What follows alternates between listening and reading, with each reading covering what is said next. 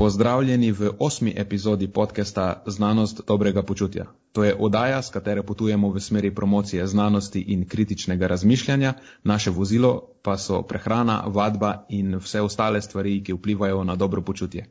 Z vami sem Nenad in moj sovoditelj Matjaš. Lep pozdrav, Nenad, in lep pozdrav vsem poslušalcem. Živijo, Matjaš. Um, v tokratni epizodi so spet na vrsti vprašanja naših uh, poslušalcev in pa najni odgovori. Tako, sem že zaslišal, da si želel začeti s QA, ampak si se ustavil, ne? pa si rekel pravilni V in O. ne vem, to se po moje se ti je to samo zdelo. mogoče, mogoče. Uh, Povej, kakšno vprašanje imamo ja, na sporedu, so tako dobra kot zadnjič. So podobno kot v zadnji V in O epizodi, so bila tudi tokrat vprašanja zelo zanimiva in smo imela kar nekaj težav izbrati tistih šest najboljših vprašanj za današnjo epizodo, ampak recimo, da nama je to nekako uspelo in ne vem, meni se zdi, da kar dobro, ker eh, na koncu zadeva izpade skoraj tematsko. Se bomo pogovarjali o dokaj povezanih stvarih, o spanju, o možganih in o uravnavanju telesne mase. Nenad, to so sladke težave, da moramo izbirati med dobrimi vprašanji. Ne? Tako je. Lahko bi bilo obratno. Se strinjam. Tako da, neč, jaz danes z uvodom ne bi izgubljal preveč časa, ker vem, kakšno so vprašanja in imam občutek, da bi se znalo pri katerem malo zavleči. Um, neč, zato se mi zdi najboljše, da kar eh, zagrizeva v ta vprašanja. Greva v akcijo, Nenad. Greva. Prvo vprašanje. Prvo vprašanje se glasi tako. Lahko pomankanje kakovostnega spanja, naprimer apneja, vpliva na debelost in onemogoča hujšanje? Ja, odličen začetek tega precej, podcasta. Ja, precej straightforward vprašanje. Ne? Tako. Tudi ti bom precej... kar prepustil tole nenad, mislim, da ti je pisano na kožo. Hvala lepa, ja, kot eh, eh, spanje afi, aficionado, kako se temu reče.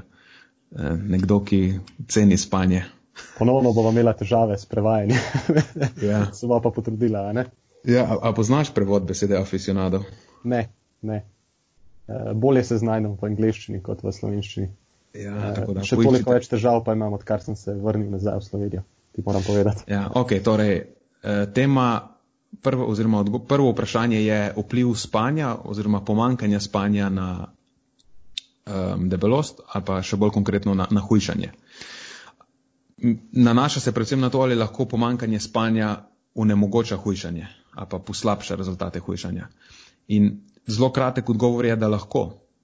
Ampak ne na tak način, kot si večina to predstavlja. Um, na hujšanje ne vpliva direktno. Recimo, ne more izničiti učinkov energijskega deficita. Če poješ manj, kot porabiš, izgubljaš maso, ne glede na to, koliko spiš. Je pa tukaj en velik ampak spet.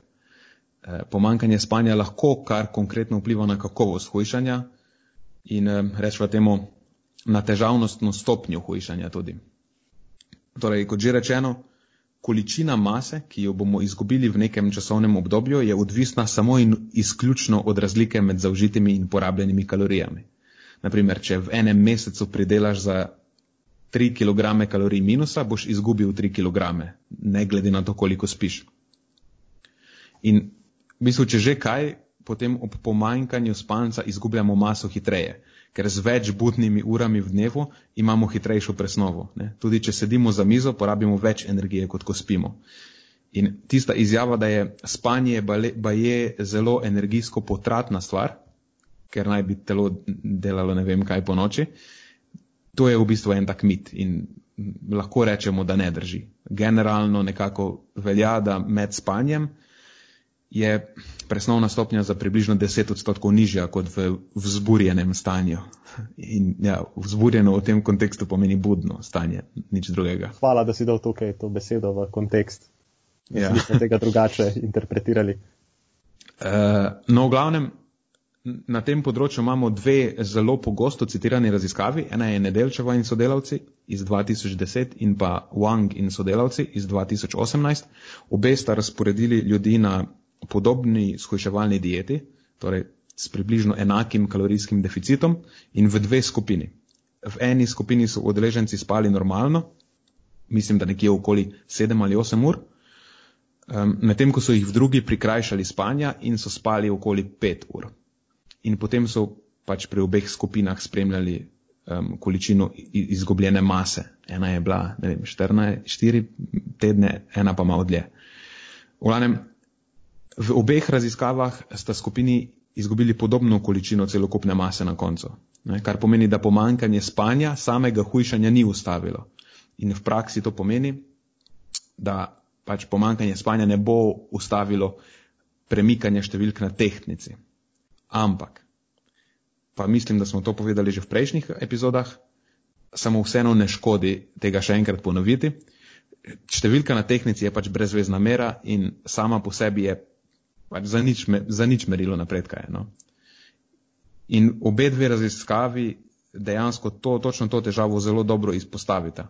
Ker v obeh raziskavah je pomanjkanje spanca definitivno, definitivno imelo učinek na eno zadevo. In to, kar konkreten učinek je imelo na um, sestavo izgubljene mase oziroma na kakovost hujšanja. Ne. Kljub temu, da sta obe skupini izgubili enako količino kilogramov, torej enako številko na tehtnici, um, sta izgubili zelo različne deleže telesne maščobe oziroma ja, deleži telesne maščobe in puste mase, torej mišic. Ne. V obeh primerjih je skupina s pomankanjem spanja izgubila mnogo več puste telesne mase, torej več mišic in manj maščobe. Mislim, da pri nedelčevi je skupina premalo spanja izgubljala celo večinoma pusto maso in zelo malo maščobe. Ampak Tam je, skupina, to je tam... en zelo zanimiv uh, učinek, ki ga sicer zasledimo tudi pri hujšanju z preniskim vnosom beljakovin. A je tako? Mm -hmm. tako ne, sej, sej, dobimo ja, nekega podobnega. Ja, se to sem glize hotel reči, da v bistvu um, tam je tudi skupina, pri nedelčevi je tudi skupina z normalnim spanjem izgubila precej uh, puste mase, več kot bi recimo pričakoval. Uh, In če pogledaš protokol, je vse skupaj tudi logično, ker prvo, kot prvo nobena skupina ni bila fizično aktivna, vsaj ni bilo navedeno, da je bila. In um, pač povsem jasno je, da bo vsaka shojševalna dieta vodila v izgubo puste mase, ne? če ljudje niso mhm. aktivni. In, in točno zato smo pri nas toliko tečni glede fizične aktivnosti med hujšanjem in potem rečemo, da je neetično spodbujati ljudi k hujšanju, če niso fizično aktivni.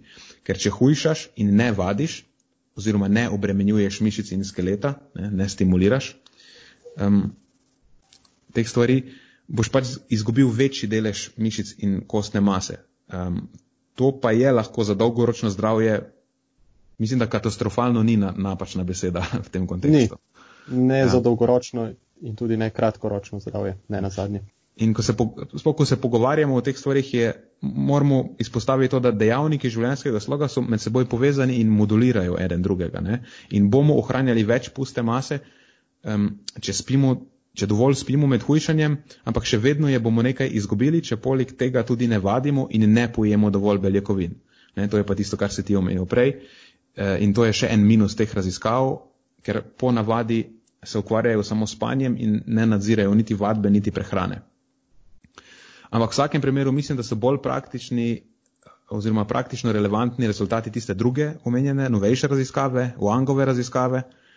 E, tam je skupina s pomankanjem spanca izgubila 40 odstotkov puste mase in skupina, ki je spala recimo dovolj, okoli 15 odstotkov puste mase, ne 15 odstotkov recimo mišic, čeprav niso bile najbrž to samo mišice.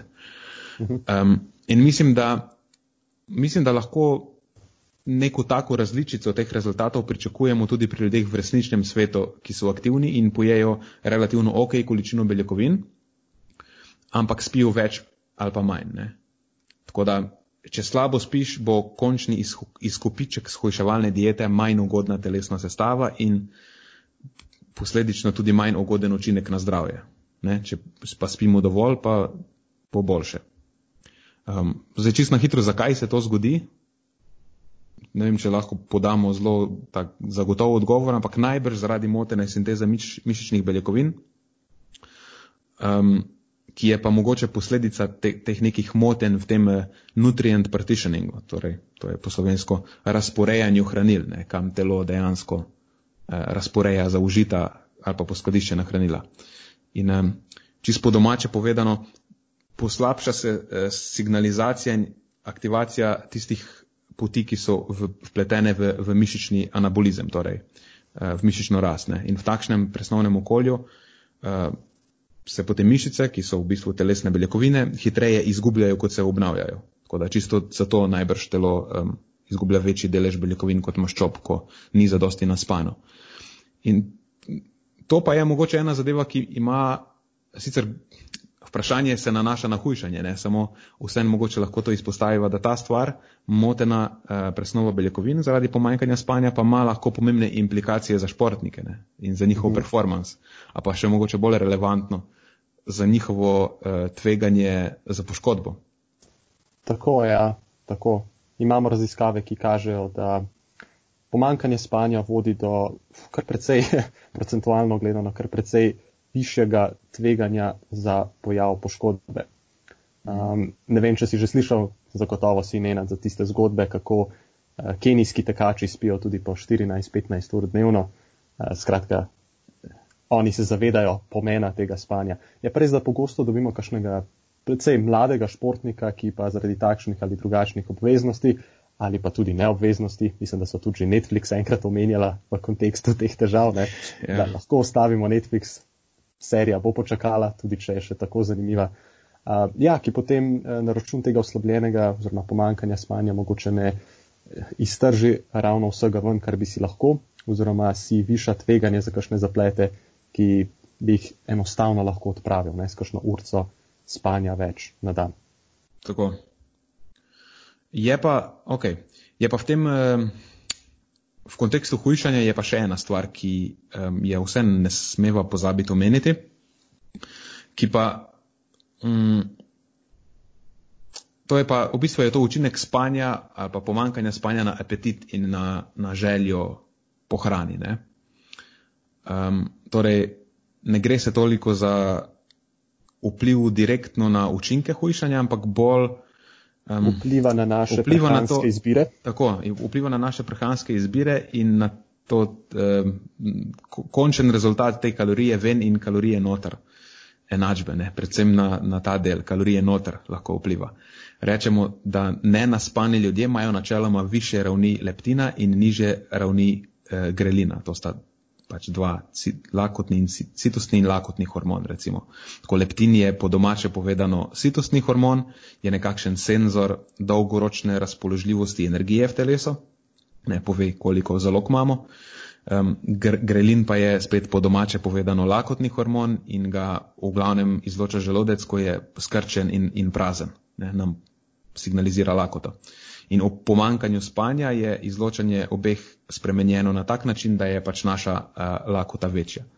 Zdaj še ena težava pa je, da pomankanje spanja deregulira tudi delovanje inzulina.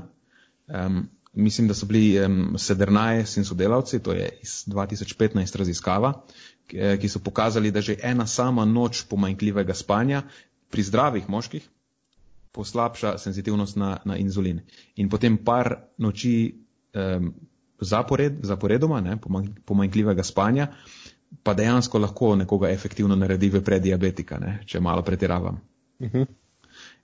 No, v vsakem primeru pač velja, da pomankanje spanja bo neugodno vplivalo um, na to sposobnost nadzorovanja nad krvnim sladkorjem, um, ker pač um, to je posledica tega, da načeloma neugodno vpliva na delovanje inzulina.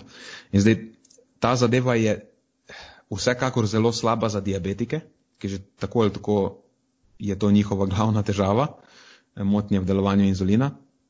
Um, je pa očitno zelo neugodna tudi za vse zdrave ljudi in še mogoče še posebno za tiste, ki želijo um, zelo dobro nadzorovati svojo telesno maso. Ker eh, inzulin ali pa mogoče dobra inzulinska signalizacija je precej pomemben del te sestavljanke nadzorovanja apetita.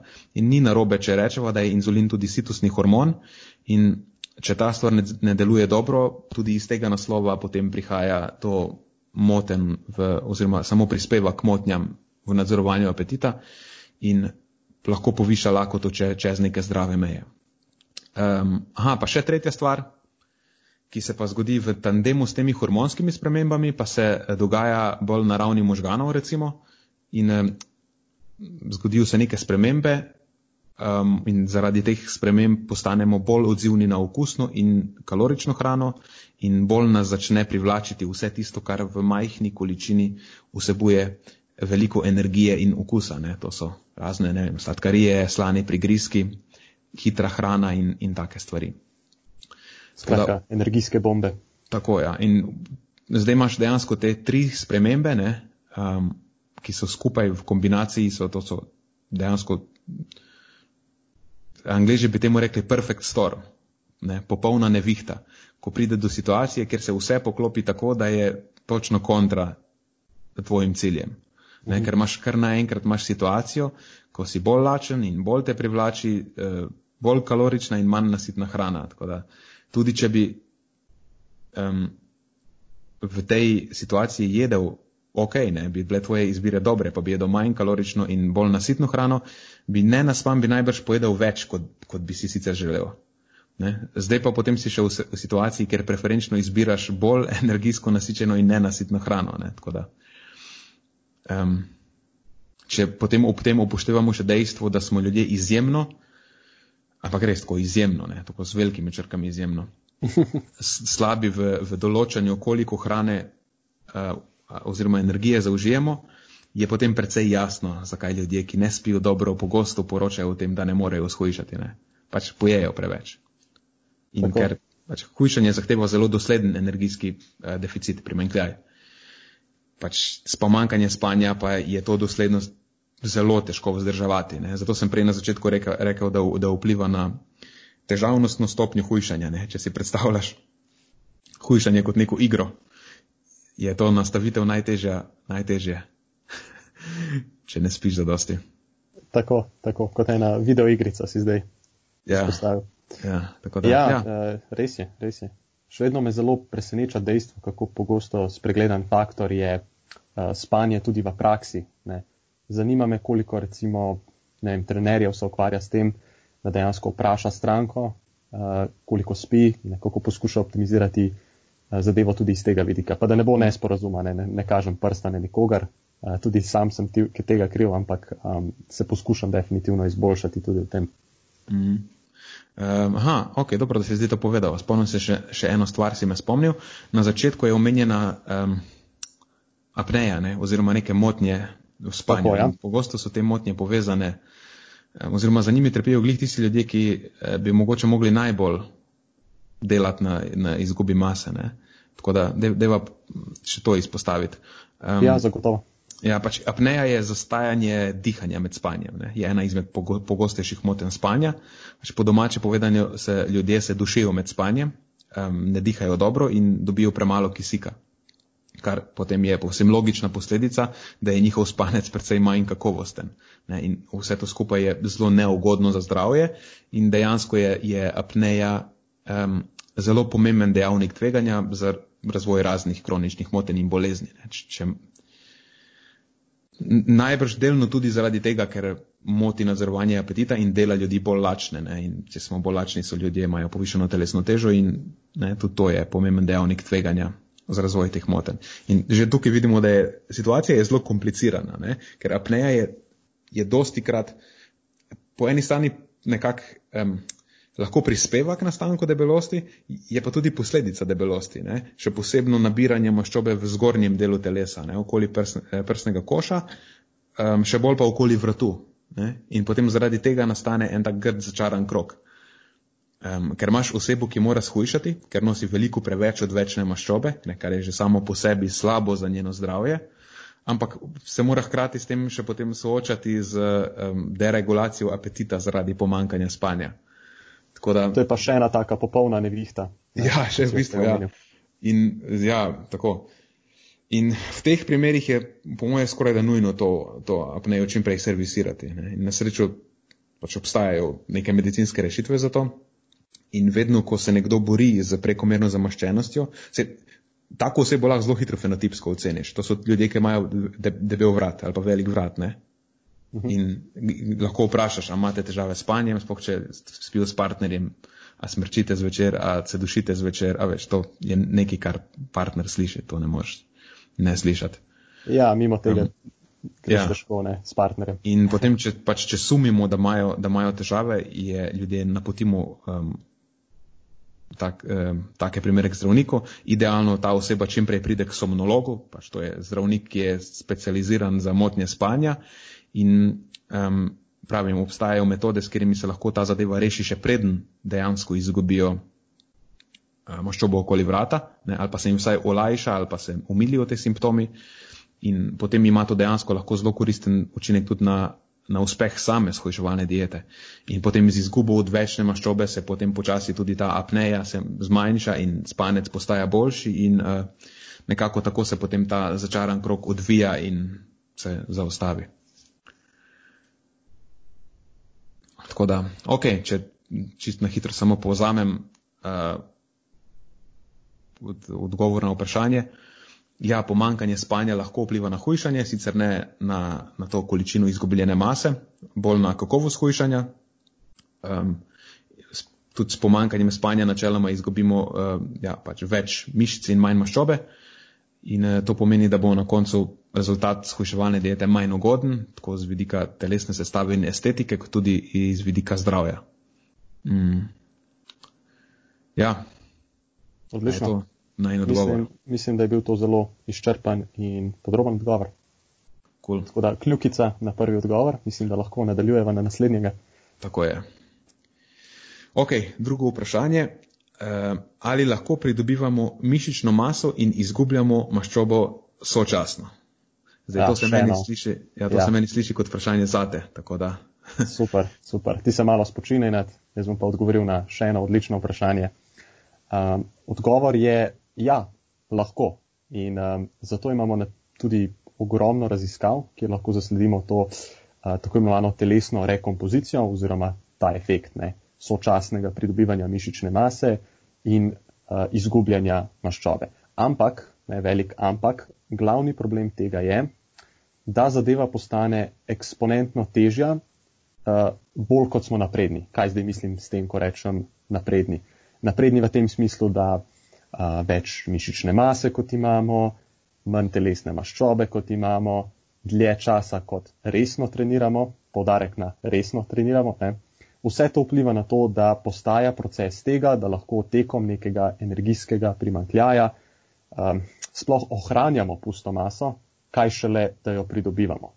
In Posledično se tisti najbolj napredni posamezniki iz sveta športov, kjer je primaren izgled, pravi v mislih imam fitness, bodybuilding in podobno, se običajno raje lotijo tega procesa nekoliko drugače in sicer z nekimi daljšimi obdobji energijskih suficitov, kjer je cilj pridobiti po eni strani čim več mišične mase in proporcionalno gledano čim manj maščobne mase. Um, in potem temu sledijo obdobja načrtne izgube maščeve. In cilj teh slednjih zadnjih obdobij je bolj kot ne to, da se pač ohrani čim več te pridobljene mase pretekle faze in niti ne toliko, da se jo pridobiva, ne, če se to sploh logično sliši. Um, skratka, ta učinek sočasnega pridobivanja mišične mase in izgube maščobe uh, običajno zasledimo pri manj trenirani populaciji. Um, Angleži imajo zato en tak uh, smešen izraz, ta tako imenovani newbie gains oziroma napredek, ki ga zasledimo pri začetnikih. Pred njih je seveda logično, da bomo opazili ta učinek, ne? zlasti tistih prvih par mesecev, a, mogoče če imamo nekoga, ki je bolj genetsko nadaljen, celo tisto prvo leto ali dlje časa resnega treniranja. Um, poleg teh čistih začetnikov je še ena populacija, kjer lahko zasledimo ta učinek, v, oziroma kjer je ta učinek nekoliko bolj izrazit. To je ta detrenirana po populacija. Morda je ta skupina ljudi ta trenutek zelo aktualna, ne? ker večina ljudi v času karantene pač ni imela dostopa do neke resnejše opreme, fitnesi ostajajo ta trenutek še zaprti, ampak ko se bodo odprli, bomo ponovno imeli dostop do vse te opreme um, in bomo ponovno začutili ta učinek tudi na lastnem telesu. Uh, lahko pa je detrenirana populacija tudi v smislu nekoga, ki je bil recimo dlje časa poškodovan ali pa recimo bolan in se sedaj šele vrača nazaj v normalen režim prehrane in vadbe. A, tako da, kratek odgovor. Ja, da se, ampak to postaja progresivno težje, s tem, kot smo bolj napredni in ene, od ene točke dalje se mogoče bolj smiselno lotiti zadeva na drugačen način, ki sem ga prej omenil, ne s tistimi daljšimi obdobji manjših energijskih suficitov in potem krajšimi obdobji hujšanja in tako dalje. Um, kako pa sploh dosežemo ta učinek? Ne? Zdaj, ne glede na stopnjo napredka, še vedno veljajo neka taka osnovna pravila. V prvi vrsti potrebujemo seveda eh, nek dražljaj svojemu telesu v obliki dobro strukturiranega treninga z uporabo bremen, kjer dajemo prioriteto progresivni preobremenitvi skozi čas, torej da, da bodi si dvigujemo vedno večja bremena ali pa da uporabljamo isto breme za večje število ponovitev in tako dalje. Tle imamo veliko različnih oblik. Uh, iz prehranskega vidika zagotovo zadosten vnos beljakovin, um, potem primeren vnos energije zagotovo in pa prej omenjeno spanje. Evo, da povežem še s prejšnjim vprašanjem. Kaj praviš, Nenad, a sem kaj izpustil iz tega področja? Ne, mislim, da si zelo kompletno zajel uh, vse, kar je nujno. Uh -huh. um, a lahko dodam eno stvar? Ja, prosim. Najprej, najprej en moj rent spet. Hvala Bogu, čakali ja. smo na ta rent. ne vem, to, to je tako eno fulk kontroverzno vprašanje. Ti ne zdi, da je to po nepotrebnem kontroverzno vprašanje? Uh, ja, ja. Jaz dejansko, dejansko ne razumem, zakaj ljudje še vedno, pa to so pogosto kao strokovnjaki na tem področju, ne, ki trdijo, da ne, to pa ni mogoče. Uh mhm. -huh. Res je, ja. Pa če imamo en kup dokazov, imamo, da to je mogoče. Ogromno dokazov imamo, res ogromno. Ne na zadnje sem to opazil tudi na, na, na lasni magistrski nalogi, čistko mm. sem za hec, to omenjam. Ja. Um, mogoče tukaj samo gre se za, za, mogoče za neka nerealna pričakovanja dosti krat. Ne? Ker, če jaz povem, da je mogoče, ne kaj zdaj to pomeni, kako je mogoče uh mhm. -huh. v, v stopnji, tako kot si omenil. S tem, ko je nekdo že napreden treniranec, pomeni, da pridobiva zelo malo mišične mase oziroma puste mase v, v nekem pač, časovnem obdobju, ne, ki je za nekoga relevantno. In s tem, ko omeji energijski vnos, mogoče se ta res prirastek nekoliko še uh, umili. Ne? Um, ampak Tako, še vedno je. Eksponentno postaja manjši skozi leta. Ne? Ja, posta, postaja manjši. Ne? In zdaj, če seveda ne moremo pričakovati, da bo ta prirastek ogromen ali pa merljiv, viden v nekem ogledalu, to je čist nerealno. Ne? Ampak še, še zmer pa, pomeni, ni, še zmer pa to ne, po, ne pomeni, da ni mogoče. Spoh recimo, ne vem pri nekem tre naprednem treniracu, ki ima že zelo nizek odstotek maščobe. Um, to sigurno ne bo nekaj, kar bo vidno. Ja, tako, tukaj moramo trenirati eno, uh, eno vrlino in to je uh, to, da smo potrpežljivi pri samem procesu. Mm. Um, ok, uh, ok, ena, mogoče še, še eno stvar bi dodal, ker se mi zdi, um, se mi zdi, da je ključna za, za razumevanje, kak, spoh za nekega trenerja, ki, a pa nekoga, ki ga mogoče to malo bolj zanima. Ne? Um, ker tukaj ne gre samo za. Um, ne gre samo za pridobivanje mase, oziroma bom, bom tako povedal. Maščobna in mišična masa sta dve različni tkivi. Ne, tako, ne gre za samo za pridobivanje ali pa izgubo celokupne mase. Ne. Gre za dve zelo različni tkivi. Um, ki lahko rečemo, da imate različne funkcije. V angleščini se uporablja izraz za to compartment, ne vem kako je v slovenščini, razdelek recimo. Ne? In rečejo different compartments, pa ne vem, različna razdelka. Predelčki. Predelčki, ja, in ta izraz mi je všeč, ker povzame to dejstvo, da, da sta ti tkivi presnovno gledano vsaj delno ločeni. Ne? In pa, da se lahko v enem in drugem tkivu dogajajo različne stvari hkrati, odvisno od dražljajev in, in zahtev vem, ki prihajajo iz, iz okolja ne, in da lahko dejansko pride do poteka dogodkov, um, pri katerem se v enem tkivu vzpostavi bolj anabolno okolje, v drugem pa bolj katabolno okolje. Ne. Zdaj, a moramo to pojasniti, kaj je katabolno in anabolno? Mislim, da so naši poslušalci že na dovolj visokem nivoju, ampak, da to vejo. Ampak, ampak se, se, lahko hitro rešijo to zadevo. Anabolno pač pomeni presnovne procese, eh, v katerih se nekaj gradi, se energija skladišči, ne, po domače povedano pač gre za pridobivanje mase, um, katabolizem je pa nasprotno od tega. Pač presnovno stanje, pri katerem se energija sprošča oziroma se porablja. Uh, oziroma porablja ni dobra beseda v, kem, v, tem kontekstu. Um, sprošča se in po domače, po, pomeni, po domače povedano to pomeni gre za izgubo mase. Um, No, v glavnem, zdaj, če se vrnem k stvari, uh, čakaj, kje sem ostal? Um, ja, izguba maščobe in pridobivanje mišične mase sta, sta v sami osnovi dva ločena procesa. Ne? In to pa rečem zato, ker sprememba maščobe je v največji meri odvisna od tega uh, fluksa, to je spet angliška beseda pretoka, rečemo temu, pretoka kalorij, uh -huh. torej od same razlike med zaužitimi in porabljenimi kalorijami. Medtem ko po drugi strani je sprememba mišične mase v največji meri odvisna od dražljajev, ki prihajajo iz okolja, recimo. Ne? To pa v glavnem je to vadbena enota ne, ali pa blok večjih enot in pa zaužite bel, beljakovine. In zdaj, ko si v energijskem deficitu, boš celokupno gledano maso boš seveda izgubljal, ne? ker je več kalorij gre ven, kot jih gre noter. Ampak, če dobro treniraš in ješ dovolj beljakovin, um, boš načeloma izgubljal maščobno maso, ker mišično maso pa vsem lahko pridobivaš, če hkrati signaliziraš, da potrebuješ njeno prerast. Ne? In to, tako kot si omenil, narediš s, kakovo, s progresivnim kakovostnim treningom za hipertrofijo in ob tem dovajaš dovolj gradnikov, ne? to pa je spet visok vnos uh, beljakovin. In če si v deficitu, lahko energija za te procese najbrž pride iz maščobne mase, ker tam je maš še nekaj za porabiti, ne? ki je na voljo za porabiti. Um, tako da v tem primeru pač pride do situacije, kjer izgubljaš maso, večino pač iz maščobe, ampak vse eno pridobivaš mišično maso. Um, a, a se ti zdi, da sem to smiselno povzel? Ne, ne, odlično je, da si to izpostavil, da sta, da sta sama procesa ločena in v končni fazi ni razloga, zakaj se pač ne bi dalo doseči te telesne rekompozicije, če ja. se zadeve loti pravilno. Ja. In pa ja, valjda, se, se, ta globalen energijski status valjda, da modulira to sintezo mišičnih beljakovin ne? in jo, jo zavira, sploh v nekih ekstremih. Ampak še vedno pa to ja, ne spremeni, pač ne spremeni dejstva, da um, sta v osnovi um, ločena procesa. Tako je, ja, točno to. Uh, prej si omenil, si zdaj, koliko je beljakovin je zadost, ne? Aha, ja, pravo. Um, zdaj, v tej fazi bi bilo zelo smiselno mogoče poseči po nekoliko višjih vnosih beljakovin, čisto iz tega vidika prezervacije mišičnega tkiva.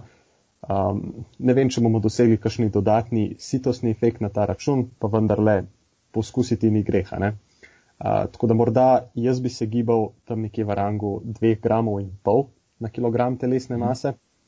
Uh, to bi se mi zdelo smiselno priporočilo, morda v nekih scenarijih celo več.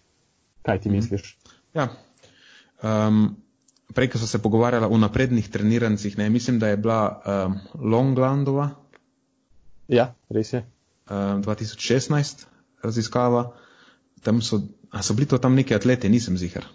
Tudi jaz se ne spomnim ta trenutek. Mislim, da so bili neki atleti, tam so, je skupina z visokim vnosom jedla 2,4 grame na kilogram telesne teže beljakovin na dan in so pridobivali pusto telesno maso in izgubljali maščobo hkrati. Um, še bolj se mi je pa vtisnila v spomin eh, raziskava Campbella in sodelavcev iz 2018, ker tam so pa dejansko na ženskih fizik tekmovalkah, ne, to so uh mhm. -huh. bodybuilderke, niso nigli dobra beseda. Taka um, pomanjšana verzija bodybuilderke je to, je ta uh, kategorija. Ja, pač, tako, pač ciljajo na preoblikovanje telesa, recimo, da tekmujejo v tem. Ne. Um, No, tam so pa iz, med tem, ko so izvajali progresivni trening za hipertrofijo, um, so tudi punce uživale um, 2,5 grama na kilogram uh, telesne mase beljakovin na dan. In ja, so, je, to je bil kar, kar hud deficit, so imele in so vse ne pridobivale. To so, uh -huh. na, uh, piše aspiring physique athletes, ne? tako da to so aspiring pomeni. Uh, zagnane. Nadobudne. Nadobudne, ja. Ampak vsekakor se gre za neko populacijo, ki, um, ki je že precej trenirana. Ja, tako, tako. ne gre se za začetnike. Ne? Tako. Um, tako da, ja, 2,5 mislim, da je kar dobro priporočilo. Lej, pač škodilo ti ne bo, ne, spoh če je tvoj cilj eh, pridobivanje. Tako. In tudi tak vnos nima prav nobenega negativnega efekta na zdravje, brez skrbi. -hmm. Je pa ena stvar še mogoče na koncu, gledaj, um, ki se je vsak posameznik mora zavedati, da je ta stvar je zelo odvisna od pred, predispozicij vsakega posameznika. Mislim, ne? da se vedno vrnemo nazaj na to točko. Potem, ja, pač ljudje, ljudje smo si zelo različni po tem, kako učinkovito gradimo mišične beljakovine in kako dobro se odzivamo na trening. Ne? In zdaj samo zato, ker sta Matjaš in Nenad rekla, da je hipotetično to možno, še ne pomeni, da se bo v vseh primerjih to zares zgodilo. Ne? Še ne pomeni, da boste potem zgledali kot tisti fitness modeli na Instagramih. ja, in, in mislim, da to si pa že prej tako ali tako povedal, tudi če se bo to zgodilo, to se bo dogajalo izjemno počasi, ampak tako mislim spet z velikimi črkami, izjemno počasi.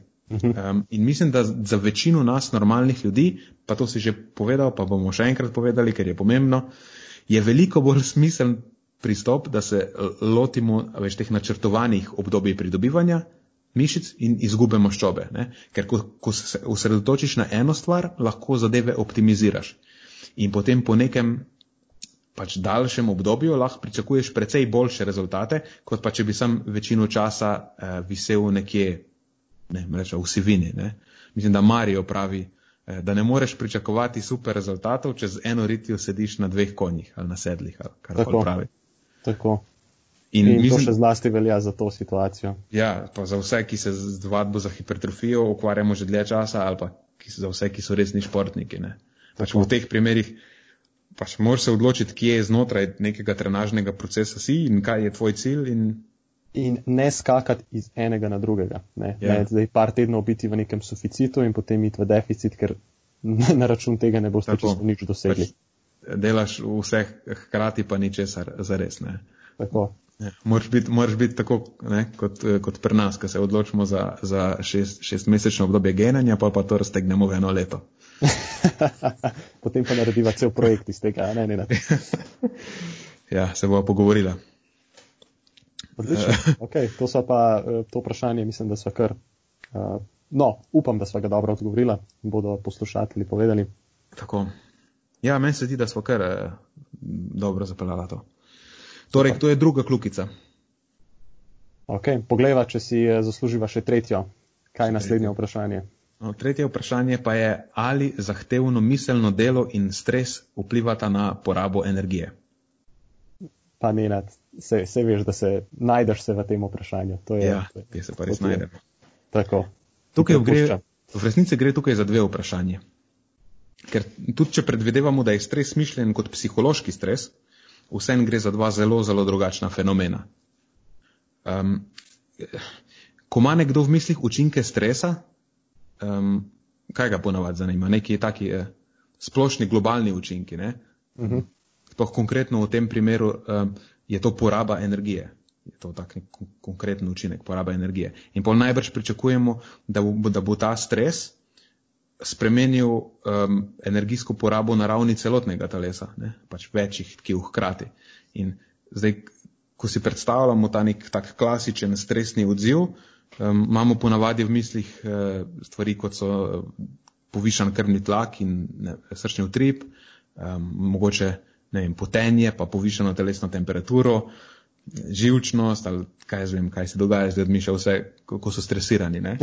ja. In pač res je, da, da um, ultimativno ta odziv se zgodi zaradi signalov, ki pridejo iz možganov. Ne? Ampak vsem um, največji del spremembe v porabi energije zaradi stresa pa nekako pričakujemo, da, da, se bo, da, veš, da, da, bo, da se bo zgodil na, zaradi pospešene presnove srca, uh, mišic, jeter in pač vseh ostalih tkiv, ki so, ki so v ta odziv upletena. Um, in zdaj tako v osnovi je to precej dobra hipoteza. Um, tak nek logičen zaključek je, ne, da bi dejansko potem ta odziv um, povišal energijsko presnovno stopnjo. Ne, ker vemo, da recimo um, Odziv na stres je izločanje teh eh, pogovorno imenovanih stresnih hormonov, recimo kortizola in eh, kateholaminov. Ne. To so eh, hormoni, ki jih izloča nadledvična žleza, kateholamini. Naprimer epinefrin oziroma adrenalin je njegovo bolj pogovorno bolj domače ime. ime. Bolj domače ime, ja. Pač, no, ti hormoni so načeloma povezani s povišano aktivacijo simpatičnega živčevja, ne, s tem tako imenovanim um, fight or flight odzivom, spet angliška beseda, ampak ali boj. Beg ali boj odziv. Ja. Ne? In posledično so potem povezani tudi s povišano presnovno stopnjo teh že omenjenih tkiv, recimo srca, jetra, jeter, um, mišic in uh, vsega ostalega. In če stres povzroči više ravni teh hormonov ne, in višjo presnovno stopnjo teh tkiv, ne, bi pričakoval pač tudi na neki dnevni ravni višjo porabo energije, ne, višjo presnovno stopnjo. Ampak um, tukaj kaže, da se to mehanistično sklepanje zgleda ne prenese, v prakso ne prenese tako elegantno. Vsaj ne v taki meri, da bi bilo to um, praktično relevantno. E, to je bila nenamerna rima. um, mislim, da so najbolj ekstremne ocene, ocene so iz neke starejše raziskave, to so Schmidt in sodelavci iz 96. leta, um, ki so na nekem vzorcu, mislim, da je bil precej majhen vzorec, peščica ljudi je bila, uh, so nekako ocenili, da bi tisti z višjo anksioznostjo lahko imeli dobrih 150 kilokalorij višjo dnevno porabo.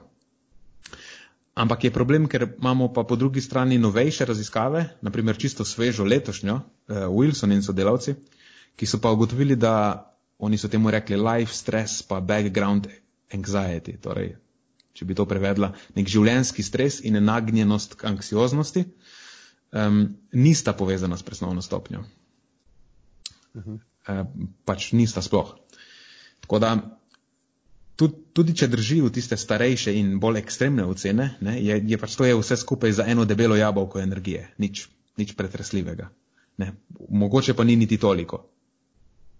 Um, tako da, ko mi nekdo reče, da je zaradi stresa shujšal, je pač moja prva domneva, da gre za, za da govorimo o osebi, ki ima tiste karakterne lastnosti, uh, non, non, ta stres non-iterjev. Non to po domače pomeni, da spada v kategorijo tistih oseb, ki jim anksioznost ali pa stres izklopiti apetit. Ne, ne nad, po, počutim se ta trenutek osebno napadenega, ker to sem točno jaz. to si ti. to sem jaz. Um, um, ne vem, pač na podlagi vsega, kar sem do zdaj videl v literaturi, se mi zdi to veliko verjetnejša um, domneva. Se strenjam, ja.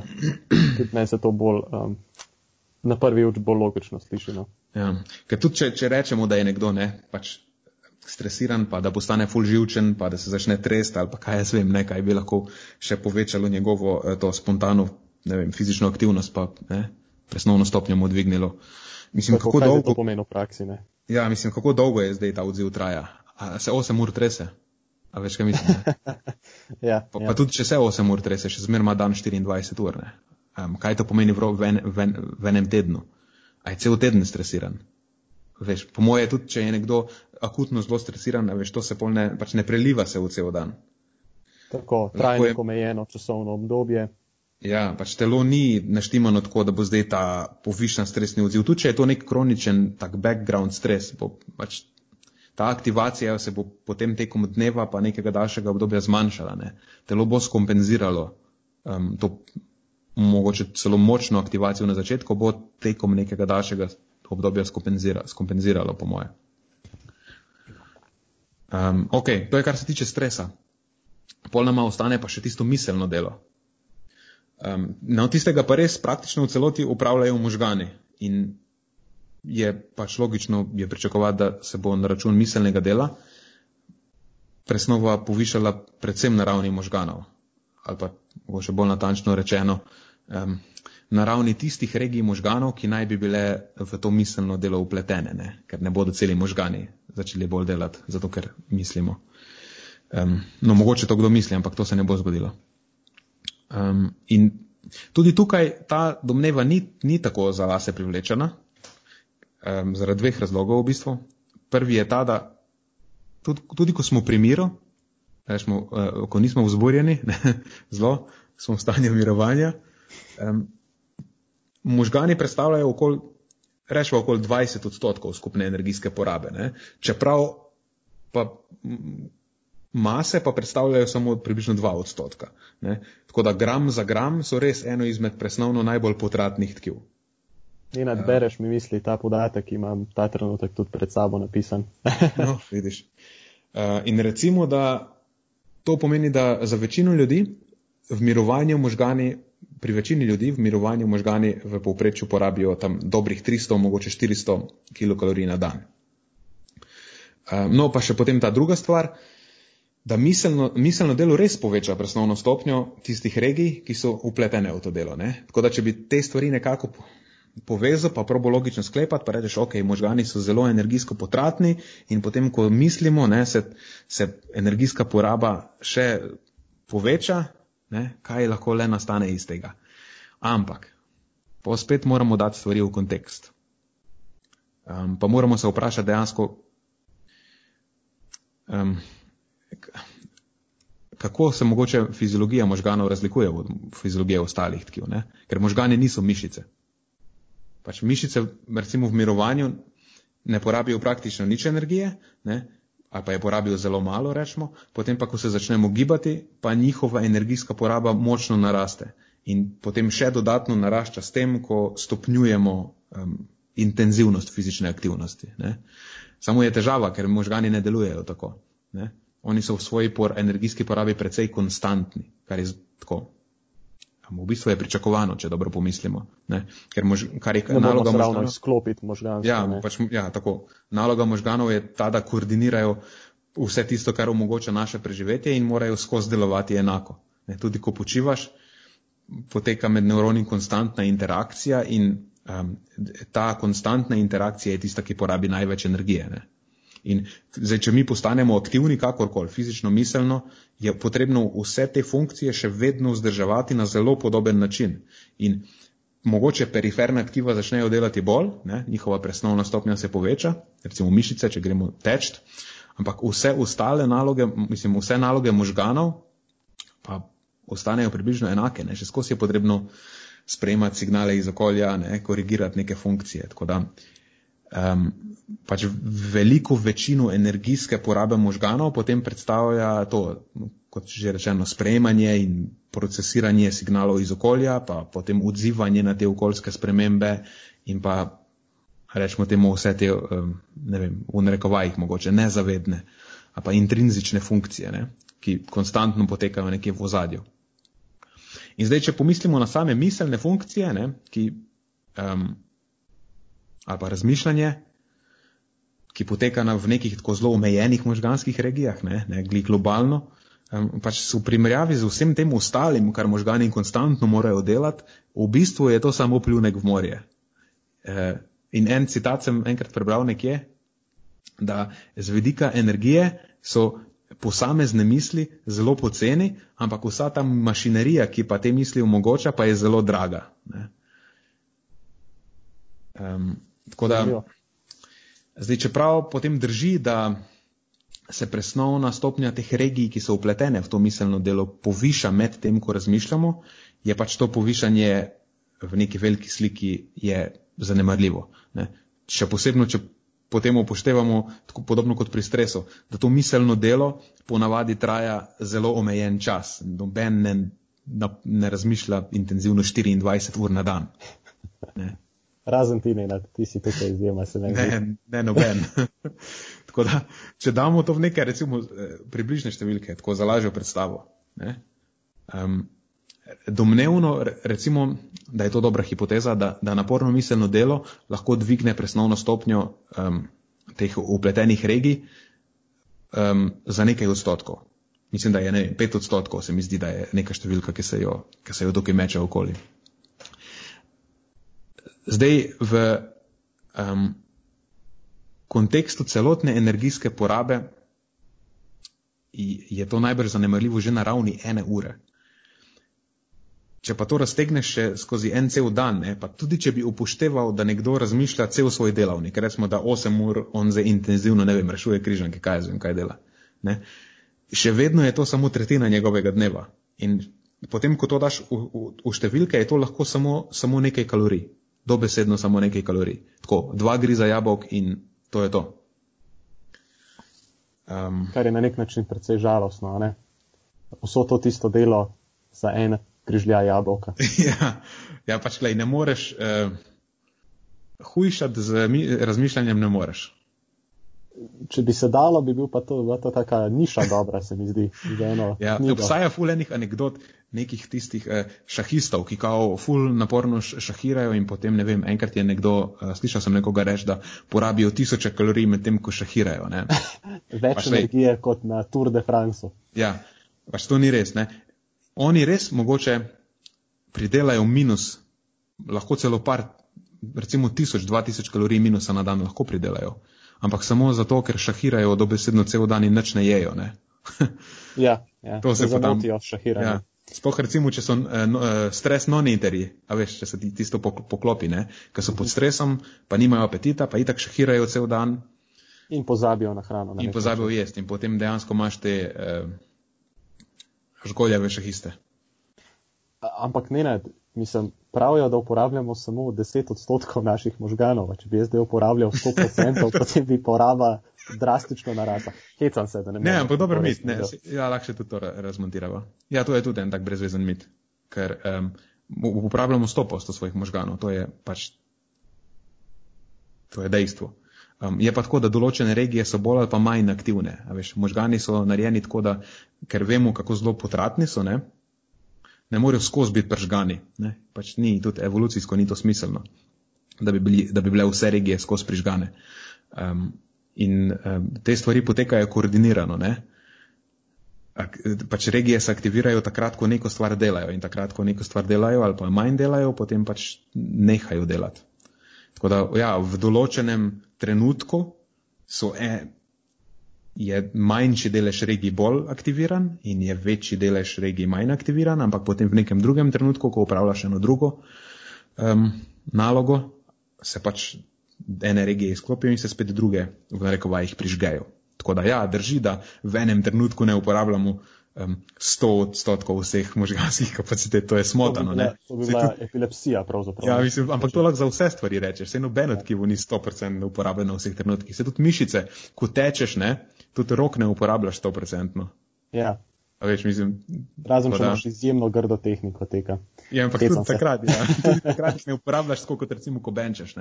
Seveda, pač, seveda. Tekom tricepsa ne uporabljaš pa eh, prsnih mišic tako, v tej meri. Ne, na tim očitno še nikoli nisi videl. ja, uh, ok. Um, Dej, dejva še to zaključiti v enem tak, tak zaključek, da ne bo vse raztreseno. Ne vem, koliko mi je to uspelo. A imaš še nekaj dodati? Do, ja, jaz, jaz te samo malo um, na vsake tok časa zmotim s kakšno neumno pripombo. Kar nadaljuj, ne si tako motiti. Eh, ne, mislim, mislim, da sem povedal to, kar sem hotel. Imaš ti še kaj, eh, še kaj dodati tukaj na tej točki? Iskreno, čisto nič. Mislim, da si zajel vse, kar je bilo potrebno zapovedati.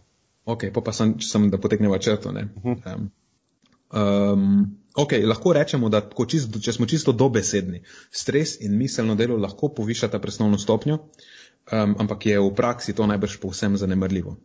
Mogoče, mogoče da ne bo spet potem kdo se našel čez par let, da mi reče, ja, ampak ti si rekel, da ne.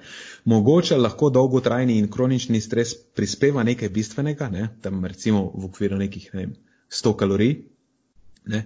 ampak lej, tudi to ni nekaj, kar ne bi mogli nadoknaditi. Ne? Pač to ni nekaj, zaradi česar bodo ljudje 10 kg skušali. To je nekaj, kar se po nesreči nadoknadi z ja. grižljajem ali dvema bilo katere hrane praktično. Tako je. A je to tretja kljukica? Tretja kljukica, zaslužena. Ok. Pa pa še vidim četrto vprašanje, ki pa um, mislim, da je spet v tvoji smeri malo bolj uh mhm. -huh. in se glasi tako. Prehrana po telesnih tipih. Endo, mezo, ekto. To je mišljeno endomorf, mezomorf ali ektomorf. Ne? Ali je kaj na tem? Ja, odlično vprašanje. Moram priznati, da mi je ta tema zelo blizu, uh, kajti tudi sam sem se v preteklosti opredelil kot čisti ektomorf, ki izjemno težko pridobiva na mišični masi. Um, za začetek se mi je zdelo zanimivo izpostaviti na kratko malo uh, zgodovine, kar se tiče telesnih tipov oziroma teh somatotipov, kot se mi reče. In sicer v 40 letih prejšnjega stoletja je en psiholog, dr. William Sheldon, izdal knjigo o somatotipih, kjer je razdelil ljudi v tri kategorije. Torej na ektomorfe, to je taka karakteristika, ki se nanaša na suhost, torej tipični mladi matjaž, endomorf, karakteristika, ki se nanaša na debelost, in pa mezomorf, ki se pa nanaša na uh, mišičavost. In dr. Sheldon na osnovi ni zanimalo, kako ti somatotipi vplivajo na prehrano ali pa na vadbo, ampak je iskal zgolj povezavo med njimi in pa nekimi, nekimi karakternimi značilnostmi, inteligenco in podobno. Zdaj sicer nisem ekspert na področju psihologije, daleč od tega, ampak zdi se mi, da je bilo tudi to delo uh, zavrnjeno, močno zavrnjeno strani znanosti. Ja, ampak, ja, tako, tako kot večina teh idej v psihologiji. Ne? Ja, ja, ja, tako, točno to. Mislim, se upravičujeva. Um, Ja, ja, mislim, Joj, to, bi zelo, to, to bi znalo biti zelo kontroverzno. Mi je že žal, da sem spokoj od 1. augusta. Bova, bova zbrisala ta del, je prav. ne bova ga, ne bova ga zbrisala, ampak le. Šalim se. Um, no, skratka, želel sem povedati to, da so matotipi izvirali iz področja psihologije in nikoli niso pravzaprav sploh imeli veze s prehrano ali vadbo. In zelo me, na nek način me, ved, me kar razžalosti, ko še vedno vidim kakšne take pripombe ali pa da se uči v tej povezavi. Da, um, osnovni zakoni prehrane in vadbe veljajo ne glede na telesni tip. In velik podnarekovaj problem te hipoteze somatotipov, oziroma nekaj, kar vam dajem v razmislek, je naslednje. Ne?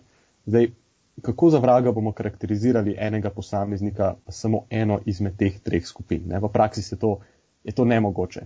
Recimo, vzamemo za primer enega suhca, ki prej nikoli ni treniral, ne?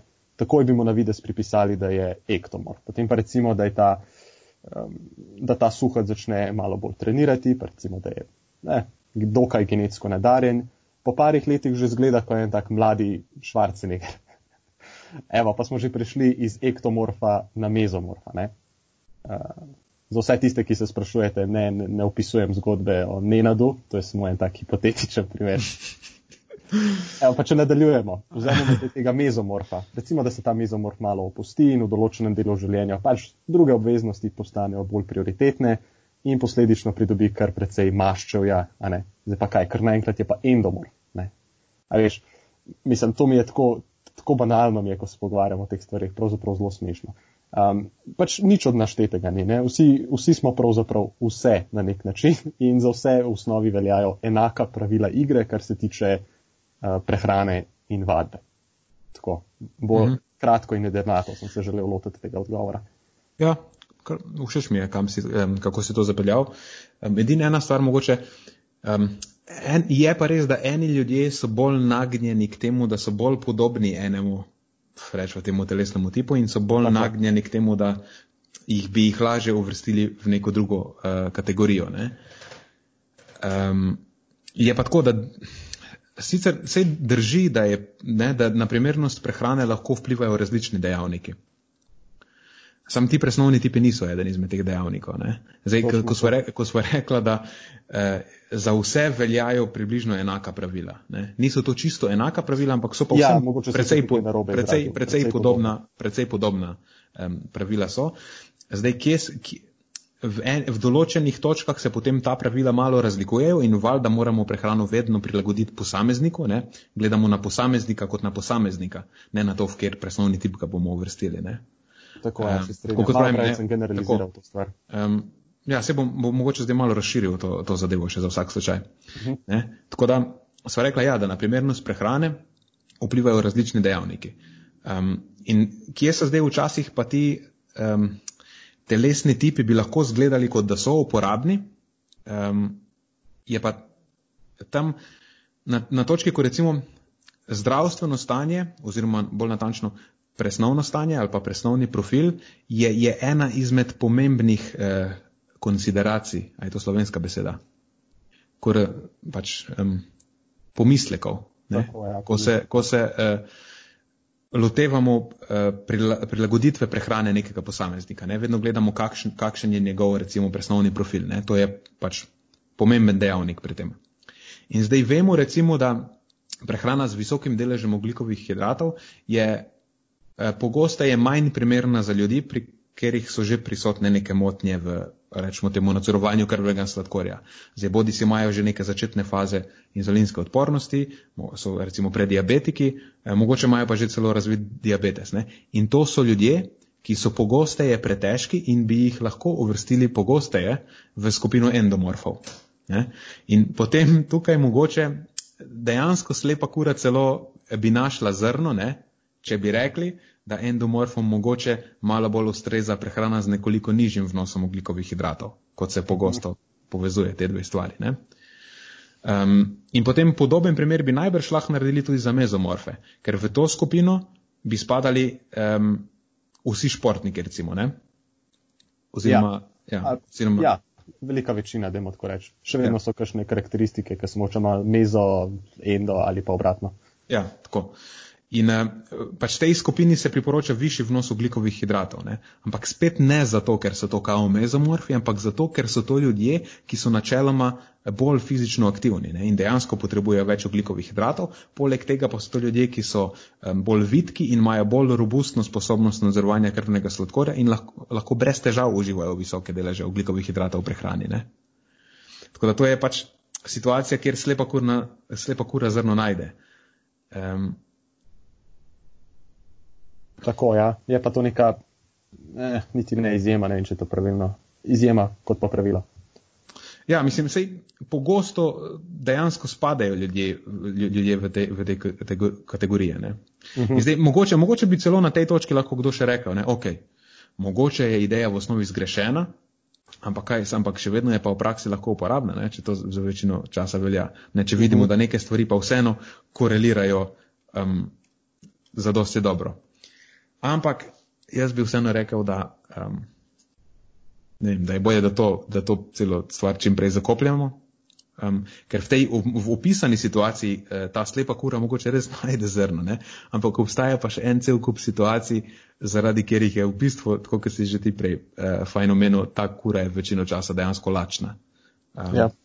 Povedal si, da je dejansko Eh, tel, sama telesna sestava, pa presnovni profil, profil je zelo spre, spremenljiva stvar, lahko zelo hitro vplivaš na njega. Um, ja, to je po mojem to. Odlično, odlično. Um, ja, super si to um, pojasnil oziroma nadgradil. A si zaslužil eno kljukico? Pa po moje, ja, lahko še bom premislila, če so kaj pozabila povedati. Ampak po moje je Tudi to. Jaz to, malo gledam, če imam še eh, kakšen zapisek, ampak zdi se mi, da je to to na tem naslovu. Ja, mogoče, pač, ampak vse to smo že povedala tudi prej.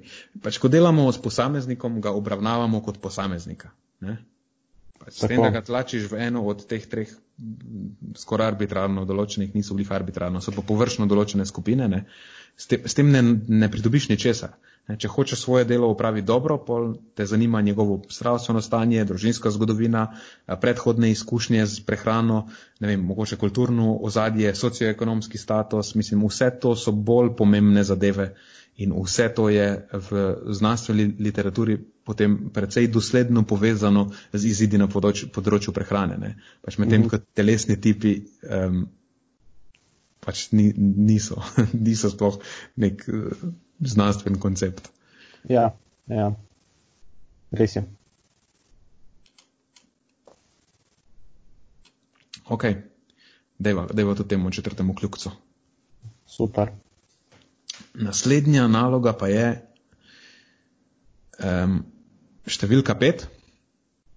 Kako nadzirati prehrano oziroma izgubljati ali ohranjati maso, če ne šteješ kalorij?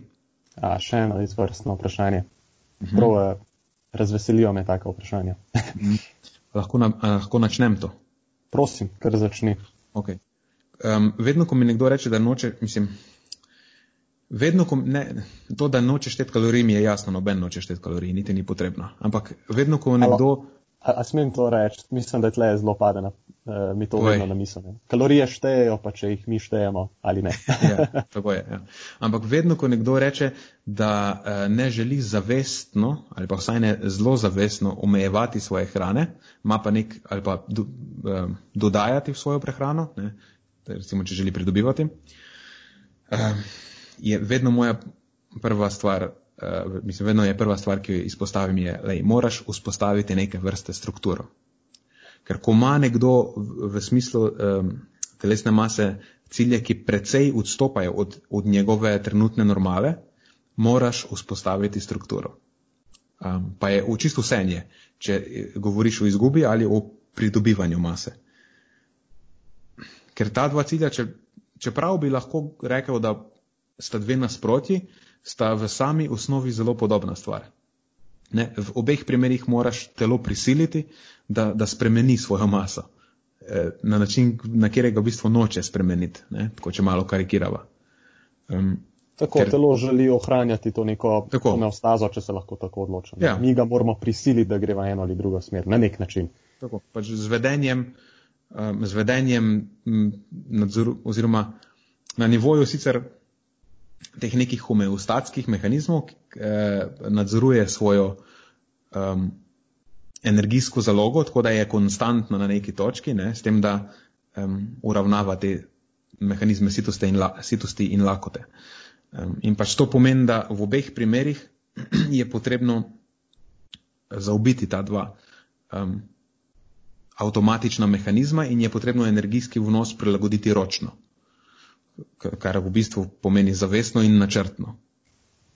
In če je cilj izguba mase, se bo potrebno boriti z lakoto, če pa je cilj pridobivanje mase, pa se bo potrebno boriti s sitostjo. In bolj kot je cilj ekstremen, bolj kot je oddaljen od nekega trenutnega stanja, bolj bo spoh v končnih fazah potrebno uh, to stvar zagrabiti za, rokove, za rogove, ne, kot rečejo. Če, če imaš za, za izgubiti 50 kg, do svoje neke idealne teže, potem bo mogoče prvih 20 ali pa 30 mogoče res šlo zlahka, ampak tistih zadnjih 10-20 pa bo, uh, bo potrebno precej truda ne, in premišljenega dela, ponavadi. V vsakem primeru najbrž več kot pri nekom, ki ima za zgubiti samo, ne vem, recimo 5 kg. Ne. To bo najbrž precej lažje prilagoditi. Uh -huh. um, Tako da, kot je že rečeno, kjerkoli cilj, v osnovi je naloga precej podobna. Um, pojesti moraš več ali pa manj, kot si tvoji homeostatski mehanizmi želijo. Um, to pa pač pomeni, da na pamet ali pa po občutku tega ne moreš delati v večini primerov. Ker po občutku dobiš samo tisto, kar imaš že zdaj in česar si očitno ne želiš. Uh, ne, to pa je to, da v najboljšem primeru, da ohranjaš trenutno maso, v najslabšem pa, da se premikaš v stran od svojega cilja. Uh, spoh, da, če imaš neko zelo neprimerno prehrano, potem je situacija taka, da uh, tudi tvoji homeostatski mehanizmi niso bili najbolj kari, kali, nakalibrirani in se v bistvu uddaljuješ od svojega cilja. Uh, to je pač ta fenomen. Pogosto se tudi to zgodi, ne, da tudi če ni prehrana zdaj tako skrajno slaba, se mogoče samo nabirajo te stvari iz leta v leto in potem, ne vem, deset let kasneje se kar naenkrat, pod narekovaji, kar naenkrat zbudiš s petimi, desetimi kilogrami odvečnega telesnega maščevja. Tako. Um, in ja, ok. Torej, moraš posta- ker moraš to stvar delati načrtno, pač zavestno, um, valjda moraš najprej vedeti, kakšen je približno um, tisti energijski vnos, ki ti omogoča napredovanje do, do tvojega cilja. Ne? Uh, moraš vedeti, ali je potrebno pojesti več ali premalo, kakšen cilj imaš. Ampak to so čiste osnove. Um, in um, moraš pa seveda pol zmeriti, nekako moraš ugotoviti, kje sploh si zdaj trenutno. Um, in zdaj kalorije so en način, kako izmeriš, kje trenutno se nahajaš. Uh, definitivno so najbolj natančen način, um, glede na to, da gre pač za mersko enoto za energijo, uh, čistko podobno kot so metri ali pa centimetri, um, precej natančen način, kako zmeriti razdaljo. Um, Vsem pa to še ne pomeni, da je to edini, edini način. Ne? Um, niti ne pomeni, da je najboljši način, ker če smo prej že omenili razdaljo, ljudje se redno premikamo iz ene lokacije na drugo, v različnih razdaljah, brez da bi vedeli, koliko metrov ali pa centimetrov smo prehodili. Ne? In podobno je tudi pri telesni masi. Ljudje se lahko premaknemo iz ene, v narekovajih, lokacije na drugo, brez da bi vedeli točno, koliko kalorij smo v plusu ali pa v minusu. Ne? Pač gre samo za smer potovanja, to je tisto, kar moraš ugotoviti. Ne? Moraš vedeti, kam hočeš prideti, pa kje se um, trenutno nahajaš. Ne? Moraš imeti najprej izpostavljen nek um, spet bo angliška beseda, ampak ne vem, slovenska baseline, neko okay, izhodiščno, izhodiščno, točko. izhodiščno točko, tako. Um, moraš vedeti, koliko hrane in kakšno hrano, kako energijsko bogato hrano, pač približno zauživaš v, v, v povprečju in to moraš vedeti za neko daljše obdobje. Uvrednotiti moraš pač, pač svojo prehrano na nek način, na tedenski ali pa mogoče celo na mesečni bazi. Um, in zdaj, če so tvoje prehranske navade povsem razštelane, Če imaš v polovici časa tri ali pa štiri obroke, a, potem vmes imaš samo enega, za vikend pa, pa itak cel dan grickaš, potem pač ne veš, kje točno si. In to je kot če se iz neznane lokacije probaš vrniti domov. Pač nimaš pojma, kje si. Ne? A moraš potovati na sever, ali moraš potovati na jug, na vzhod, na zahod. Če pa veš, da si recimo nekje v Nemčiji, pa pa pač veš, da lahko začneš potovati proti jugu in se boš sigurno premikal v pravi smeri. In tudi, če tvoja prvotna smer ne vodi direktno do, svoje, do, do svojega cilja, vsem veš, da se premikaš v pravi smeri, pa potem pač na poti to smer samo prilagodiš. Um, tako da, če imaš v smislu sprememb telesne mase nek zelo konkreten cilj in uh, ne želiš šteti kalorij, in vse, če smo čisto iskreni, je to večina naših varovancev. Čist iz prakse, če povem, nikoli, ajde skoraj nikoli, praktično nikoli, nobenega ne učim šteti kalorij. Ne? Če se ukvarjamo v večini normalnih ljudi, je to popolnoma nepotrebno. In mislim, da v celi. Pa tudi celi... na nas, prosti, kad te prekinjam, tudi na ja, naslovu športnikov bi rekel, da izjem, izjemno redko je, da koga sploh učimo štetje kalorij, ampak se raje poslužujemo kakšnih bolj enostavnih uh, principov. Ja, se tukaj sem z besedo normalni, sem mislil vse ljudi, ki je tako. Uh, um, mentalno smo normalni, ker mm. nismo neki neurotiki, ja, veš, ki bi, oziroma tukaj bomo prav besedo soraje. ker sam najbrž ne spadam v to kategorijo normalnih, um, neurotipičnih, kot rečejo. Ampak ok, pustimo to ob strani. Um, tako da ja, za večino normalnih ljudi je to popolnoma nepotrebno. Ne? Čist, po moje bi lahko v tej celi moji, rečemo temu, karieri na roko preštev dejansko ljudi, s katerimi smo se ukvarjali s kalorijami. Um, Oziroma na roko, na prste ene roke se reče. Um, pa, še vedno, pa še takrat je bilo to vedno izredno na njihovo željo. Ne? In doskrat sem se jaz celo boril proti temu, uh, da je moraje probati neke druge metode. Ampak play, pač, za ene ljudi to je primerno, za ene pa ni. Ja, za um, peščico. ja, ampak recimo. Za vse tiste, za vse ostale, za vse normalne, da obstajajo precej manj usiljive in bolj preproste metode, ne, s katerimi lahko in vzpostavimo strukturo in potem izmerimo te neke, neke um, vsaj neko približno količino, tako da je zadost natančno. Um, um, tako da, ok, rekli smo, najprej moramo vzpostaviti neko strukturo. Ne. Zdaj, en plus štetja kalorij je ta, če to znaš delati dobro, da lahko, potem, da, da lahko prideš skozi brez strukture. Veš, ker če šteješ dobro in če šteješ natančno, v bistvu sploh nima veze, kdaj ješ in kaj ješ. Ne, ko pa probaš to stvar preštevati malo bolj na približno, um, potem pa enostavno ne more, brez strukture pogosto ne, pa, pogosteje ne gre več, ne gre več skozi. Ne. Um, sicer obstaja tu in tam kakšna izjema, ampak v večini primerov je struktura predpogoj um, za, za uspešno spremembo um, telesne mase brez štetja kalorij. Ne. In zdaj ta struktura pač pomeni um, samo vzpostavitev nekih uh, rednih obrokov, ki so ob približno istih, v istih časovnih oknih, približno vsak dan, in pa nekih takih dobrih temeljnih prehranskih navad. Um, um, pač to pomeni redno število obrokov in pa neke uh, obroki, ki so po podobnem principu sestavljeni. Ne? Da so čim pogosteje te obroki sestavljeni iz približno um, valjda naj, najboljše je, če, če so to čim manj predelana živila, ki jih je lažje spremljati, in pa um, uh, da so ti obroki sestavljeni iz približno podobnih skupin živil v podobnih količinah. Ne?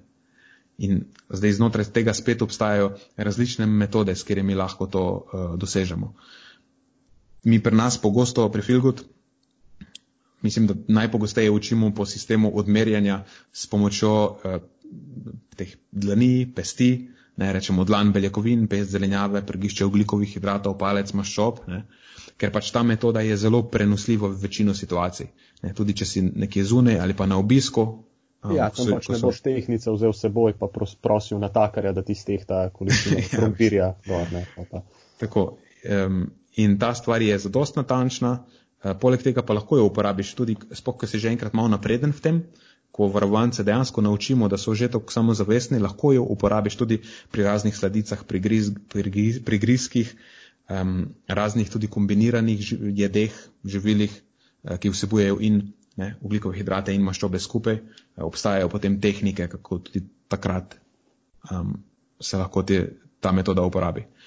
Um, pol, tudi ena priročna metoda je ta uporaba raznih kuhinjskih pripomočkov, ne lahko odmerjaš žlicami, s šalicami, kaj, kaj jaz vem, s čim še vse.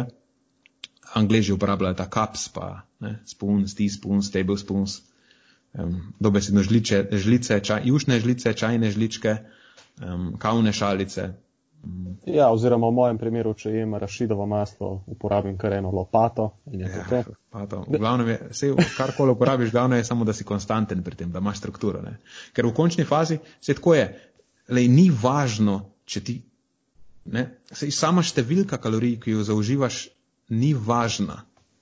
Um, včasih mi kdo reče, ja, samo jaz ne morem natančno ugotoviti, eh, koliko je to kalorij na podlagi tega. Ne, ne rabiš ugotoviti natančno, ne rabiš vedeti samo moraš vedeti, koliko na dnevni bazi ali pa na, na tedenski bazi v povprečju uživaš energije. In potem samo, če je tvoj cilj hujšati, moraš manj kot to, če pa je pridobivati, pa več kot to. Ni važna številka. A veš, ni važna, enostavno ni važna številka. Samo moraš vedeti, v katero smer moraš iti. To je edina stvar, ki jo moraš ugotoviti. In potem, če ti, to bo zdaj tak čist eh, banalen primer, če uživaš vsak dan pet um, ne vem, pet žlic kosmičev v svoj zajtrk, ne, pa imaš za en lonček jogurta, pa eno jabolko noter.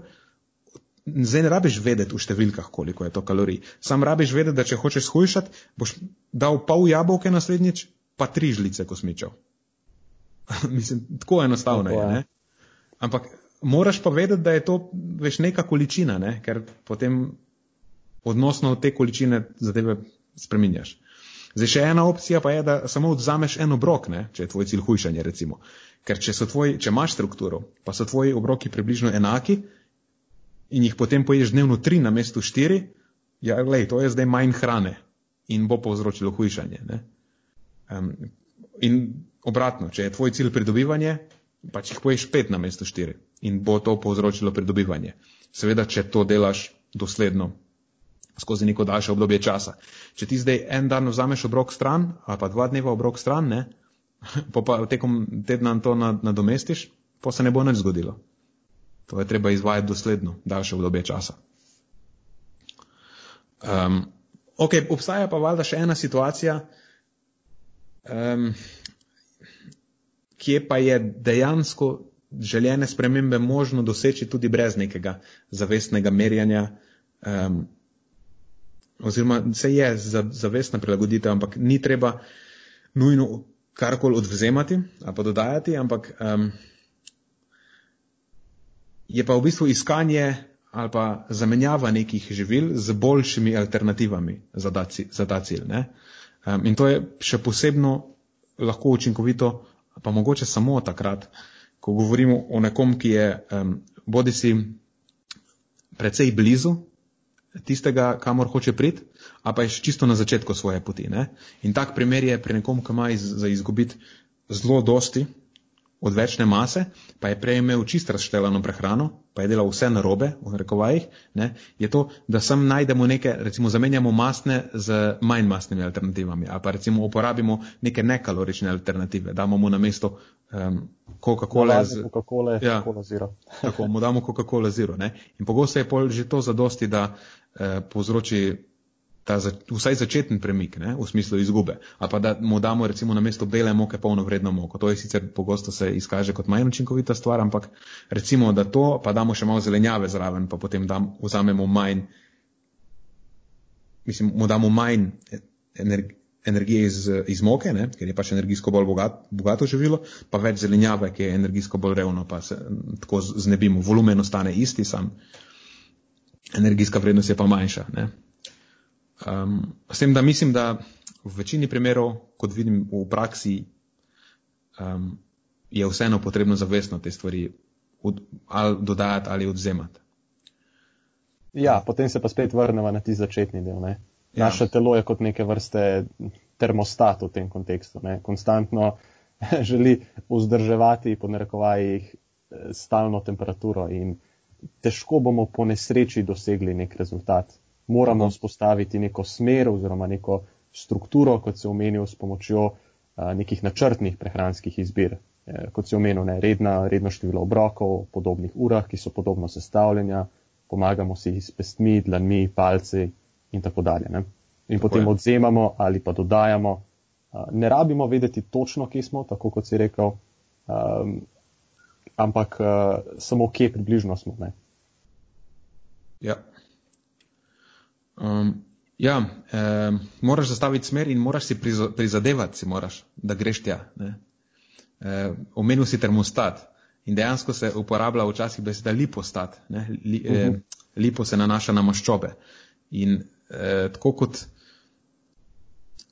ta termostat nekako nadzoruje temperaturo v, v sobi, ne, konstantno temperaturo v sobi, tako recimo ta lipostat nekako Eh, to se pač do, dogaja na nivoju hipotalamusa, um, nadzoruje nekako to količino telesne zaloge, da ustaja konstantna ne, v skladu s to neko predhodno nastavitvijo. In zdaj, tako kot termostat po, poveča gretje, ko se temperatura spušča, tako recimo eh, ti naši homeostatski mehanizmi povečajo lakoto, ko se naša zaloga maščobe niža.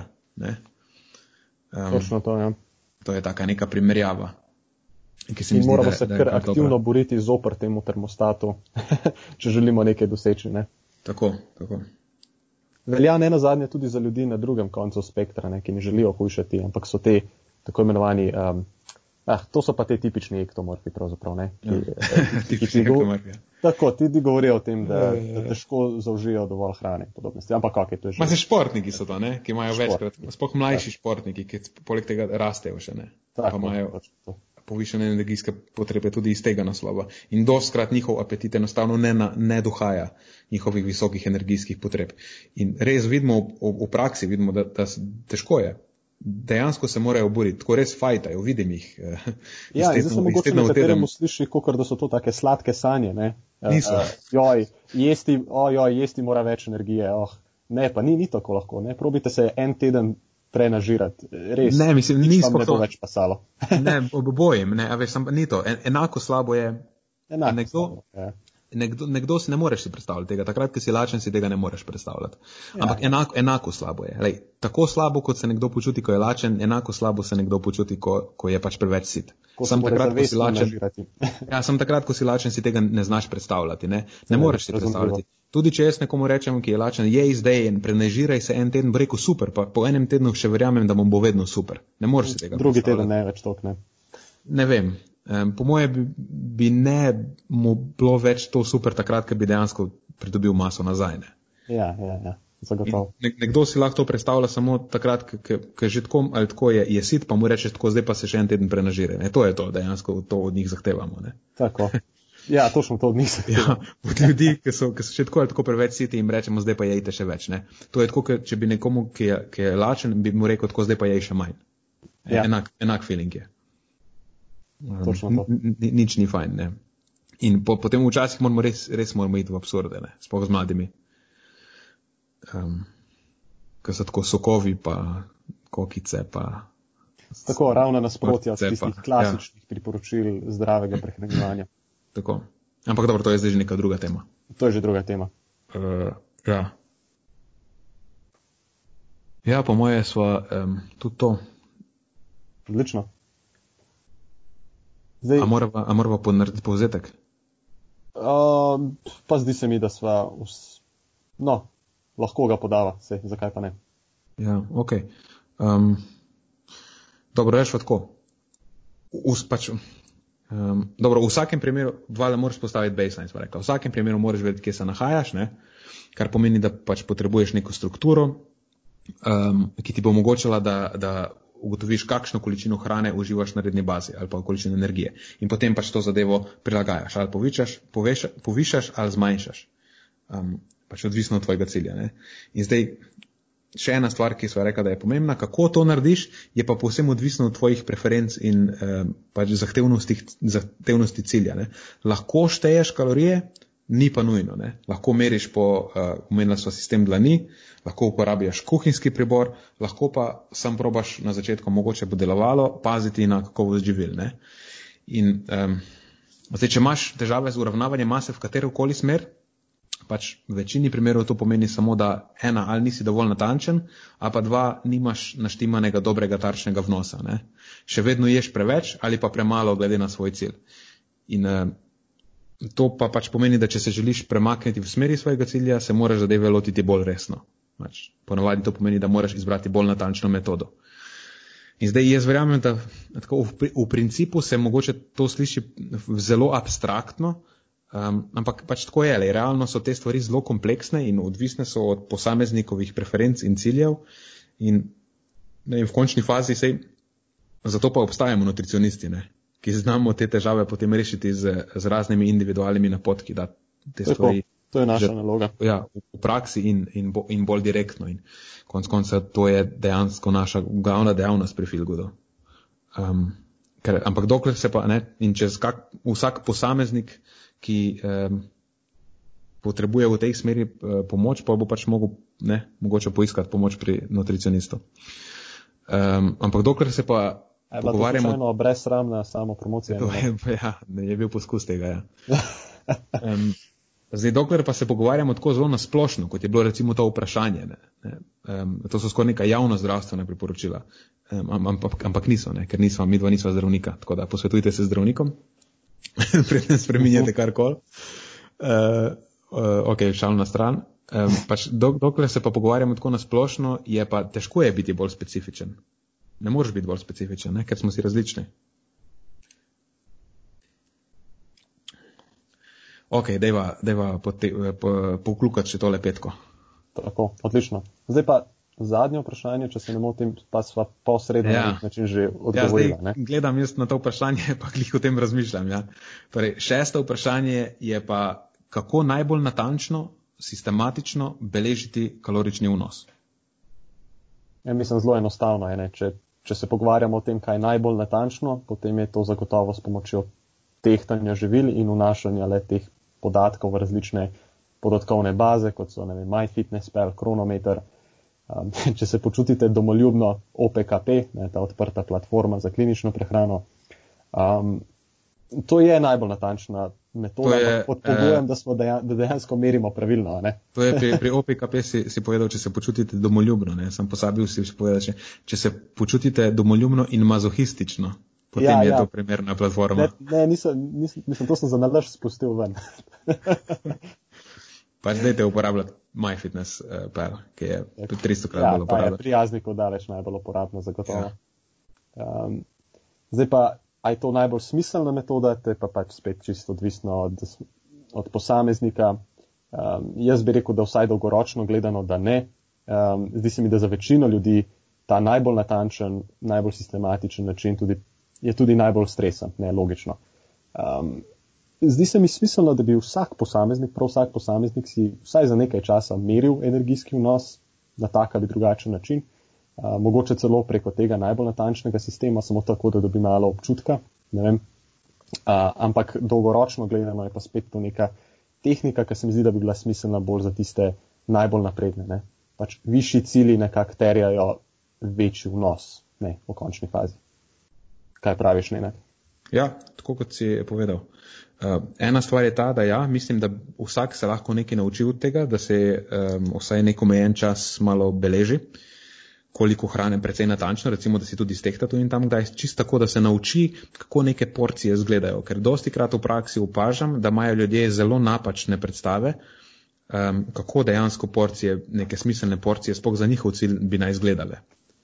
Um, potem še ena druga stvar pa je ta, da vnesejo dejansko te porcije potem v neko aplikacijo, kjer ugotovijo, koliko energije dejansko te porcije uh, vsebujejo. Ne? Ker neke porcije lahko zgledajo precej majhne, uh -huh. recimo, ne vem, arašidovo maslo. Je ta, je, ta je, to je arhetip tega, ne? ja, to je pač arhetip tega, ne. Uh, zgleda precej malo hrane, ampak je lahko precej energijsko bogata ali pa recimo neka žlica olja je lahko tudi izjemno bogat, energijsko bogata stvar, kljub temu, da zgleda malo. In čistko, da, da samo moraš dobiti feeling, ker na koncu dneva tudi, če vzpostaviš strukturo, pa eh, imaš dosti v prehrani vsem. Predvsej teh živil, ki so sicer malo volumna, pa veliko energije, se zna biti, da veš, ta, samo ta struktura ti v tem primeru ne bo pomagala. Še vseeno moraš razviti neke veščine, s katerimi potem lahko vsaj približno natančno ne, vzdržuješ nek. Um, Ja, ne samo, da vzdržuješ nek konstanten vnos, ampak da, da veš, koliko dejansko je ta vnos ne, znotraj te strukture. Tako in ga potem tudi znaš manipulirati v odvisnosti od svojih ciljev oziroma situacije. Um, ja, tako je.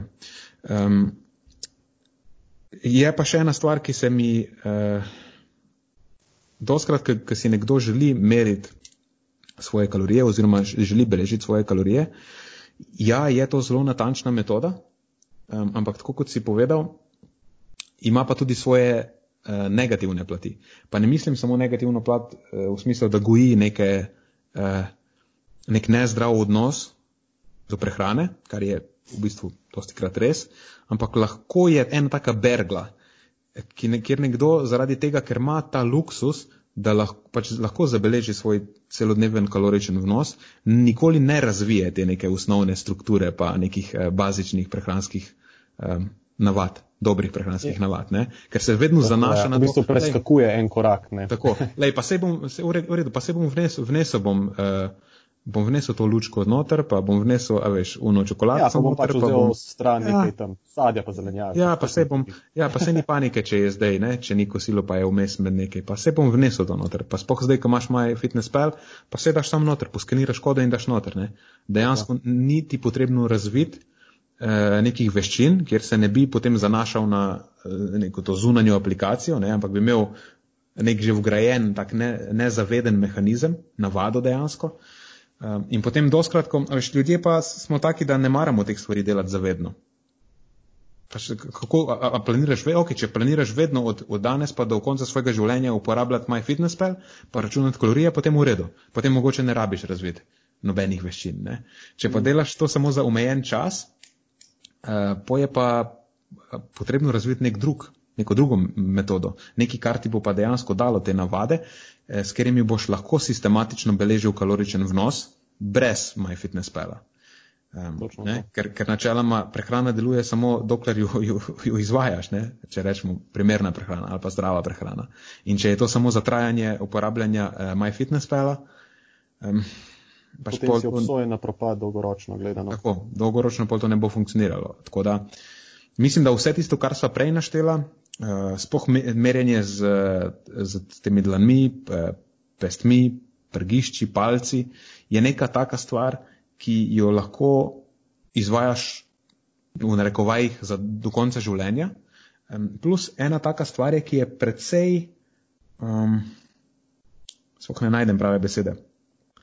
No, lahko se je navadiš do te mere, da spoh, veš, ne rabiš zavestno meriti, ker veš, kaj dlan beljakovin pomeni na krožniku.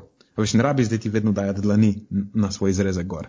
Ampak ti veš, da tvoj krožnik zgleda tako in približno znaš na tem krožniku te stvari uvrednotiti, brez da bi jih zavestno meril. A veš, kaj hočem reči?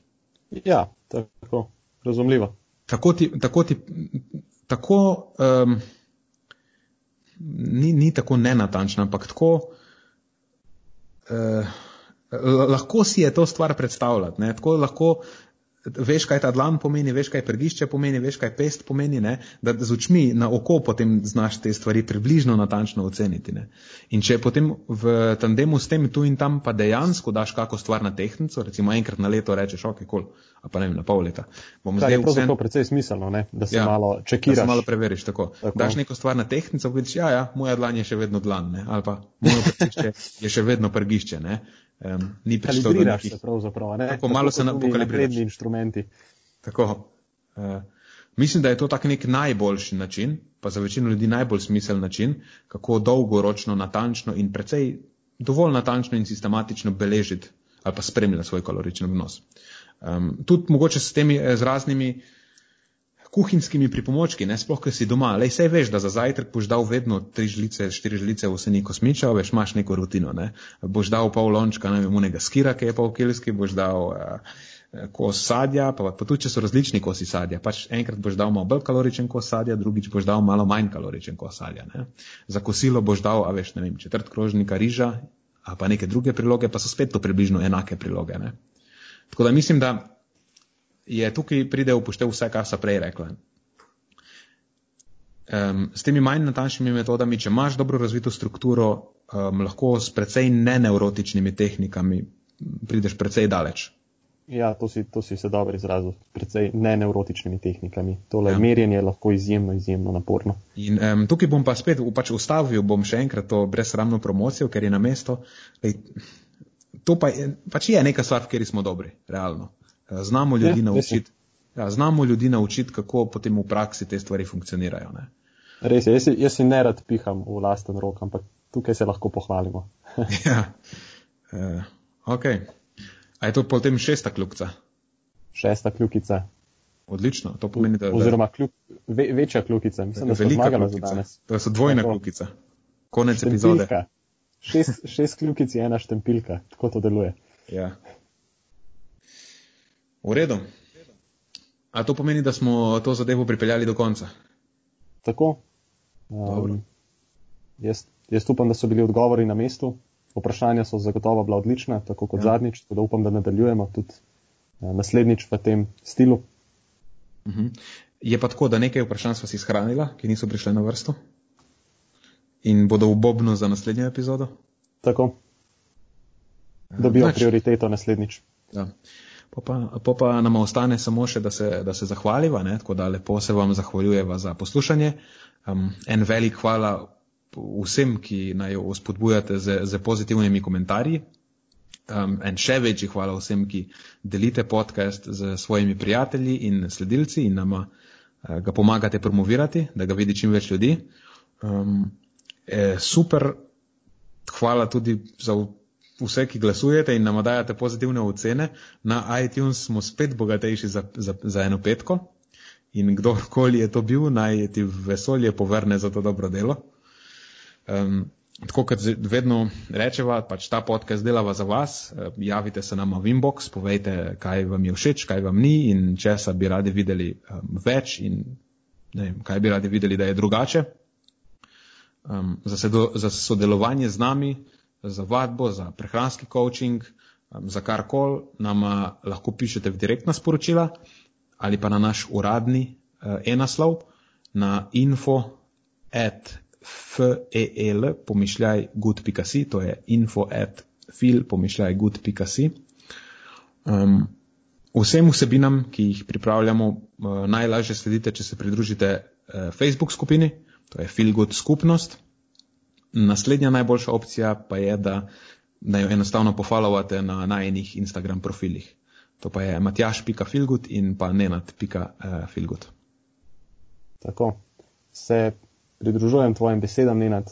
Hvala vsem za poslušanje, hvala za pozitiven feedback, hvala za odlično vprašanje in se slišimo naslednjič. Tako je, se slišimo uh, naslednjič, do takrat pa ostanite premišljeni.